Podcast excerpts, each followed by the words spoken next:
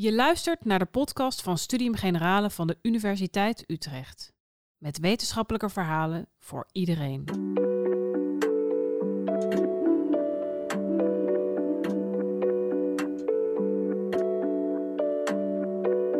Je luistert naar Het Ezelsoor. Korte interviews met filosofen en denkers over hun favoriete passage. Zinnen die ze met dikke stift onderstreept hebben en waar ze telkens weer naar terugkeren voor inspiratie. Tegenover mij zit Simon Gusman, universitair docent bij Liberal Arts and Sciences aan de Universiteit Utrecht. Simon, welkom. Welkom. Ja, dankjewel. Uh, jij hebt een passage meegenomen van de Franse filosoof en schrijver die jij, als ik het heel goed begrijp, al je hele filosofische carrière hebt bestudeerd. Namelijk Jean-Paul Sartre. Ja, daar is al is, uh, lange tijd mee bezig geweest. Ja, en net een nieuw boek over verschenen.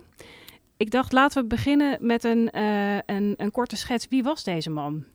Um, uh, Jean-Paul Sartre was een ja, belangrijke um, en beroemde intellectueel um, in, in uh, vooral de tweede helft van de 20e eeuw een, een, ja, heel erg toch een, een, iets, een fenomeen dat, dat ja, we kennen het uh, tegenwoordig denk ik ook wel in de, in de Zizek en uh, for better or worse Jordan Petersons van deze wereld. Een echt beroemde filosoof en schrijver. En toch uh, wordt Jean-Paul Sartre in de filosofie op de universiteiten niet heel veel gelezen, nee? niet heel veel gedaan. Wordt toch een beetje ook een beetje populair ge, figuur gezien, een beetje outdated.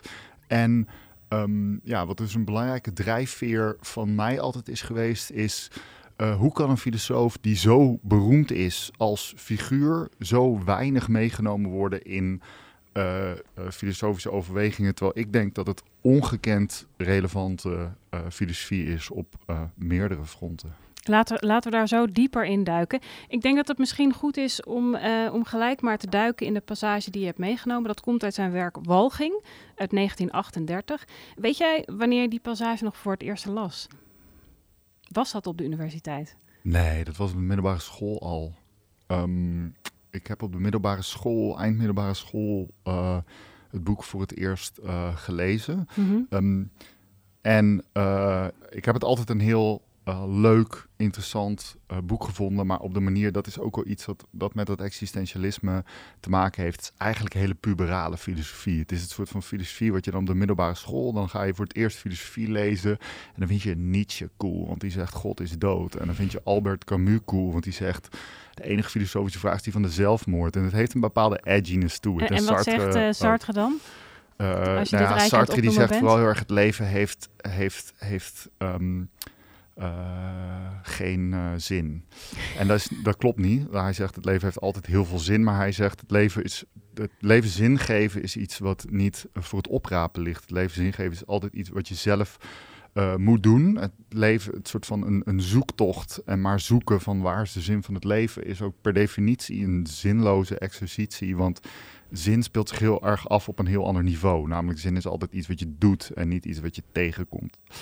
Um, ik was gewoon zo iemand. Een uh, alternatieve jongen die dat soort filosofie cool vond. En ik ben er gewoon uh, keihard in blijven steken. Het belangrijke moment eigenlijk over deze passage. Um, uh, hij gaat over avontuur. Was, kwam veel later. Toen viel het kwartje pas. Dat okay. was in um, 2015 volgens mij. toen was ik samen met mijn uh, vriend en toenmalige collega uh, Arjen Klein-Herenbrink wilden wij een lezing geven over de ja. nieuwe Star Wars film. Want dat vonden wij cool en wij dachten van ja, dat, dat, soort van, dat is een soort van leuk, een lezing over filosofie en popcultuur. Toen kwam eerst een soort van, we wilden wel doen en toen gingen we nadenken van...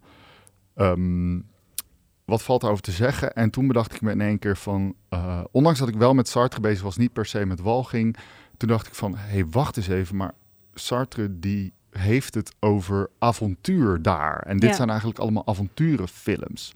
En ja. daar hebben we een beerput mee opengetrokken. Want ik denk dat daar avontuur een van de ja. meest belangrijke en een van de meest onderbelichte uh, ideeën in onze maatschappij is. En net zo belangrijk om over na te denken als dingen als uh, vrijheid en um, privacy, Oké. et cetera. Ehm, Gaan we het zo over hebben? Misschien is Ja. het goed om, om even het fragment, eerst of het fragment, de passage voor te lezen. Jij hebt hem hier voor je liggen. mo- moet ik hem inleiden in de context van het boek of moet ik hem eerst voorlezen? Lees hem maar gewoon voor. Oké, daar gaan we. Om van het meest alledaagse voorval een avontuur te maken, hoeft iemand het alleen maar aan een ander te vertellen. Daardoor worden mensen misleid. Ieder mens is een verhalenverteller. Hij leeft omringd door zijn eigen verhalen en de verhalen van anderen. Hij ziet als alles wat hij meemaakt in het licht van die verhalen en hij probeert zijn leven te leven alsof hij het vertelde. Maar je moet kiezen of delen leven of verhalen vertellen. Laten we hem samen gaan ontleden. Ik ben eigenlijk wel benieuwd. Je, je legde net al even uit waarom het, je zo intrigeert. Gaat over die avonturen en dat verhalen vertellen. Hoe, hoe zit dat precies? Ja, dus de hoofdpersoon die. ehm het main ding is, zijn leven is gewoon best wel saai en hij Mhm. verliest zijn grip erop. Hij doet Ja. onderzoek, historisch onderzoek naar een of andere edelman die niemand boeit in een stad die, waar die niemand kent en waar niks te doen is. En ehm, dan gaat hij gewoon een soort van, dan, dan gaat, wordt dat, dat wordt dan steeds beklemmender. Hij weet niet wat hij met zijn leven aan moet. En eh, eh, dan op een gegeven moment gaat hij nadenken over, ja, maar ik, ik heb toch dingen gedaan in mijn leven. Ik heb toch, ehm, eh, ik, heb, ik ben op reizen geweest, ik, ik heb liefdesaffaires gehad, ik heb gevochten met mensen, ik heb van alles gedaan. En je zou toch zeggen dat al die avonturen ergens toe geleid zouden moeten hebben tot een noemenswaardig leven, tot, Mhm. tot mooie verhalen. En al kan hij die verhalen wel vertellen, als hij daar dan op het moment zelf mee zit, dan denkt hij eigenlijk van ja, maar het levert me nu, het maakt mijn leven nu niet betekenisvoller dat ik misschien ooit iets noemenswaardigs heb gedaan. En wat daar heel belangrijk aan Mhm. is, is wij associëren dat begrip avontuur normaal vaak met vrijheid en vrijblijvendheid. Maar wat hij eigenlijk laat zien is ja, je moet dat niet zo zien. Avontuur heeft vooral te maken met betekenisvolheid. Als ik op een avontuur ga, dan doet ieder moment ertoe. Als ik een, een ehm, spannende. ehm, eh, als ik op reis ga bijvoorbeeld, een voorbeeld dat ik eh, daarbij altijd eh, graag geef. Mhm. Mensen die op reis gaan naar verre oorden, die gaan backpacken in Zuidoost-Azië. En hè, als je in Nederland bijvoorbeeld je portemonnee verliest, dan is dat eh, gewoon iets eh, vervelends. En dan, dan, dan ehm, mo- moet je daar weer mee dealen. Maar als je daar je portemonnee verliest, dan zit er een levensles in. Want dan leer je dat je, dat je andere Ja, mensen ja. om hulp moet vragen. Want je kan niet meer bepalen, eh, zelf betalen voor die taxi. En dan leidt dat moment, dus in dat avontuur van die reis, leidt ergens toe. Tot een bepaald zelfinzicht, tot een bepaalde ontknoping. En dat, ehm dus het idee van eh, eh, avonturen hebben vooral te maken met die, die opbouw naar die ontknoping. Dat is heel erg belangrijk. En wat hij hier eigenlijk zegt, dus je moet kiezen of leven, leven of verhalen vertellen, is die toch wel confronterende boodschap. Het leven leidt niet altijd tot zo'n ontknoping toe. Ondanks dat we dat misschien wel heel graag zouden willen. En ondanks dat de verhalen, en dan een soort van, dan is dan een bruggetje alvast, eh, vooral Hollywoodfilms, Ja. ons dat wel voorspiegelen. En is, is, maakt dat, want er staat ook, hij heeft het ook over het is misleidend, of, de mensen worden misleid. Ja. Is dat het misleidende aspect, dat het niet altijd tot die ontknoping leidt? Ja, dus hè, als, het, eh, als je achteraf over je leven vertelt, dan kun je natuurlijk altijd doen alsof er een bepaalde structuur in zit die ergens toe leidt. Leuk voorbeeld daarvan vind ik altijd. Ik heb twee voorbeelden. Mhm. Eentje is ehm, eh, de zoektocht naar ware liefde. Altijd een leuk onderwerp. Dus Mhm. als je ehm, eh, mensen die geloven in de ware met een hoofdletter, die vertellen altijd over hun voorgaande relaties alsof dat lessen zijn op, op weg naar het ontmoeten van de ware. Dat is Mhm. ook een soort hè, groot liefdesavontuur. Dat leidt tot een ontknoping, prins op het witte paard, ehm et cetera. Dan is het zo, nou, bij mijn voorgaande relatie leerde ik dat we, eh, ik meer tijd voor mezelf moest nemen, want we zaten te veel op elkaars lip. Eh, die relatie daarna leerde ik dat we wel eh, niet, dat ik niet te veel tijd voor mezelf Mhm. moest nemen, want we zagen elkaar nooit. Maar nu heb ik die levenslessen geleerd en ben ik klaar om de ware tegen te komen. De persoon waar ik nu mee ben is dan de ware.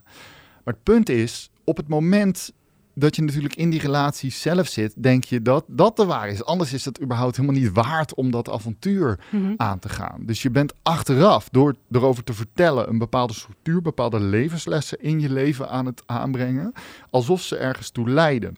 En prima om zo achteraf over het leven te vertellen. Maar als jij dus denkt dat het leven zelf, alles wat in je leven gebeurt, automatisch ook ergens toe leidt. Ja. Dat al het soort van, hè, dat als een keer jou iets negatiefs overkomt, dan moet er automatisch een levensles in zitten. Als daar, hè, alles moet soort van op die manier betekenisvol en, ja, ja. eh, eh, zijn. En dat is problematisch. Nou, dat is problematisch. Het is vooral frustrerend.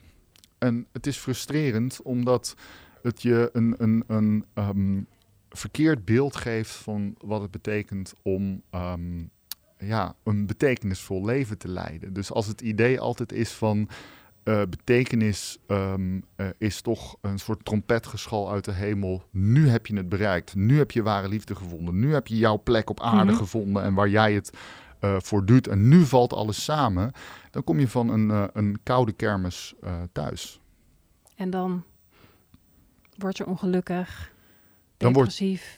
Is dat wat er gebeurt met de hoofdpersoon in de walging? Ja, Ehm, ja vooral dat hij zeg maar eh, dat hij daardoor zeg maar een beetje zijn, zijn in die desillusie ja toch wel uiteindelijk een soort van een confrontatie met een soort van grotere filosofische vraag van waar doe ik het allemaal dan voor eh, eh, komt te zitten. Mhm. Ik denk dat als we nu kijken naar het, zeg maar, dit als sociaal-maatschappelijk Ja. probleem, dat het vooral een leidt ook tot ehm, eh, ja, het soort van eigenlijk twee dingen. Eén is dat ik denk dat het de, hè, de grote ehm, burn-out problematieken en grote ehm, eh, eh, het idee dat we altijd aan moeten staan heel erg Mhm. in de kaart werkt. En Ja. ook zeg maar dat zeg maar lekker als je het ook nog eens mengt met een soort kapitalistisch idee van productiviteit Mhm. dan eh, wil je dus dat alles uiteindelijk tot een ontknoping leidt en dat Ja. ieder moment is dus productief, maar niet Ja. per se productief op het niveau van werk of geld, maar productief op het niveau van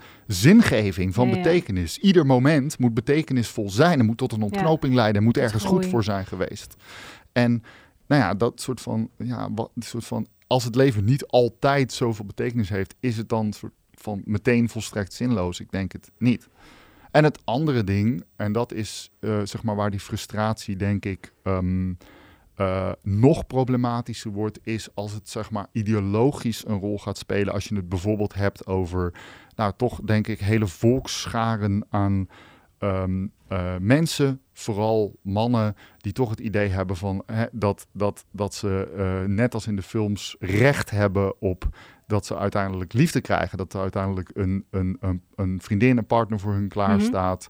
eh, en dat, ze, eh, dat je dan toch een soort van heel snel in het soort van territorium van incels en soort van eh gefrustreerde eh, mannen komt. Die zeg maar niet het succes hebben waarvan ze toch op een of andere manier vinden dat ze er recht op hebben. Dus het feit dat, ehm, dat alles betekenisvol moet zijn in ons leven, kan ertoe leiden dat mensen zo gefrustreerd raken dat, ze, dat die incelbeweging zou er, zou er aan te, maar, dat is een soort resultaat van het feit dat mannen constant niet bevredigd worden in dat uiteindelijk doel waar ze maar naartoe gewerkt hebben. Ja, of- of, of, naartoe gewerkt hebben. Van het idee is dan vooral het leven is automatisch. eh, je hebt toch een soort van, van het idee van ja, auto- uiteindelijk is het alles wat ik doe ergens goed voor. Gaat ergens Ja. toe leiden tot een soort ontknoping. Hè, als ik maar hard genoeg werk, dan vind ik uiteindelijk wel. Eh, liefde. eh, ja, liefde of Ja. succes in mijn werk of, of op wat voor manier dan eh, ook. En dat soort van, ja, dat is soort van reality check. Dat is niet altijd zo. Nee. En is dat, dat is dan soort van enigszins heel pessimistisch, maar ik, ik denk niet dat het louter pessimistisch is. Ik denk namelijk dat het ook ehm, een, een, een weg opent en dat, dat Sartre dat uiteindelijk ook wel die kant op wil naar een meer soort van één verantwoordelijkheid. Dus ja, je hebt ook zelf iets. Het, Mhm. leidt niet automatisch tot een ontknoping, dus heb je er zelf ook iets mee te doen. En anderzijds creativiteit. Dus op nieuwere, interessantere manieren nadenken over wat je leven betekenisvol zou eh, kunnen maken. Ja. Eh, we, we lopen tegen het einde van het korte interview. Ik wilde toch weer even terug naar die passage, want hij heeft het op het Ja. einde dus over dat leven. We moeten kiezen of delen leven of verhalen vertellen. Is dat het punt wat hij dus maakt? We, moeten, daar een, we moeten de, keuze maken om te leven in plaats van alleen maar betekenis willen geven door er verhalen van te maken die ons misleiden. Hoe, hoe, eh, wat, hoe kunnen we dit mooi tot een soort van kern samenvatten op het einde? Wat zegt Sartre? Wat moeten we doen? Nou, ik denk. ehm, wat we moeten doen in termen van, van uh, leven of verhalen vertellen, is ehm, afstappen van het idee dat het leven altijd zo, niet per se zo mooi, maar zo betekenisvol is als verhalen dat voorschotelen. En ik denk dat dat zeker een les is die toen al gold. Dit is in de jaren dertig geschreven. Mhm. Maar die zeker geldt in de, huidige een, tijd. de, huidige tijd. Waarin we natuurlijk vooral met social media uh, continu ons leven aan het verhalen zijn. Het is niet zo voor niets dat, je, dat het soort van Instagram stories heet. Je bent letterlijk je leven aan het verhalen. Je bent letterlijk zeg maar, oh, ik ben nu iets betekenisvol aan het doen en dat aan het delen. En uh, ik, ik, soort van, ik wil dan helemaal niet zeggen met een opgeheven vingertje van, oh, uh, daar, um, uh, daar moeten we vanaf, dat moet je niet doen. Leef in het moment, um, uh, een soort van een soort mindfulness idee van in het moment leven. Ik denk dat dat namelijk ook een verhalend mm -hmm. iets is, waarin alles weer betekenisvol is, maar dan mhm. op een soort kalme manier. Maar meer van het idee van, leer er nou eens mee leven dat je ook wel eens een dag hebt die niet noemenswaardig is. Leer je nou eens mee leven dat je soms een keer iets probeert en faalt en dat er geen duidelijke levensles in zit. Behalve misschien op metaniveau, dat je gewoon moet een keer moet accepteren dat je faalt. En dat het, het, uh, dat, het, dat het feit dat het leven niet soort van naar een eenduidig punt toe werkt, ook gewoon ergens uh, ook wel bevrijdend kan zijn.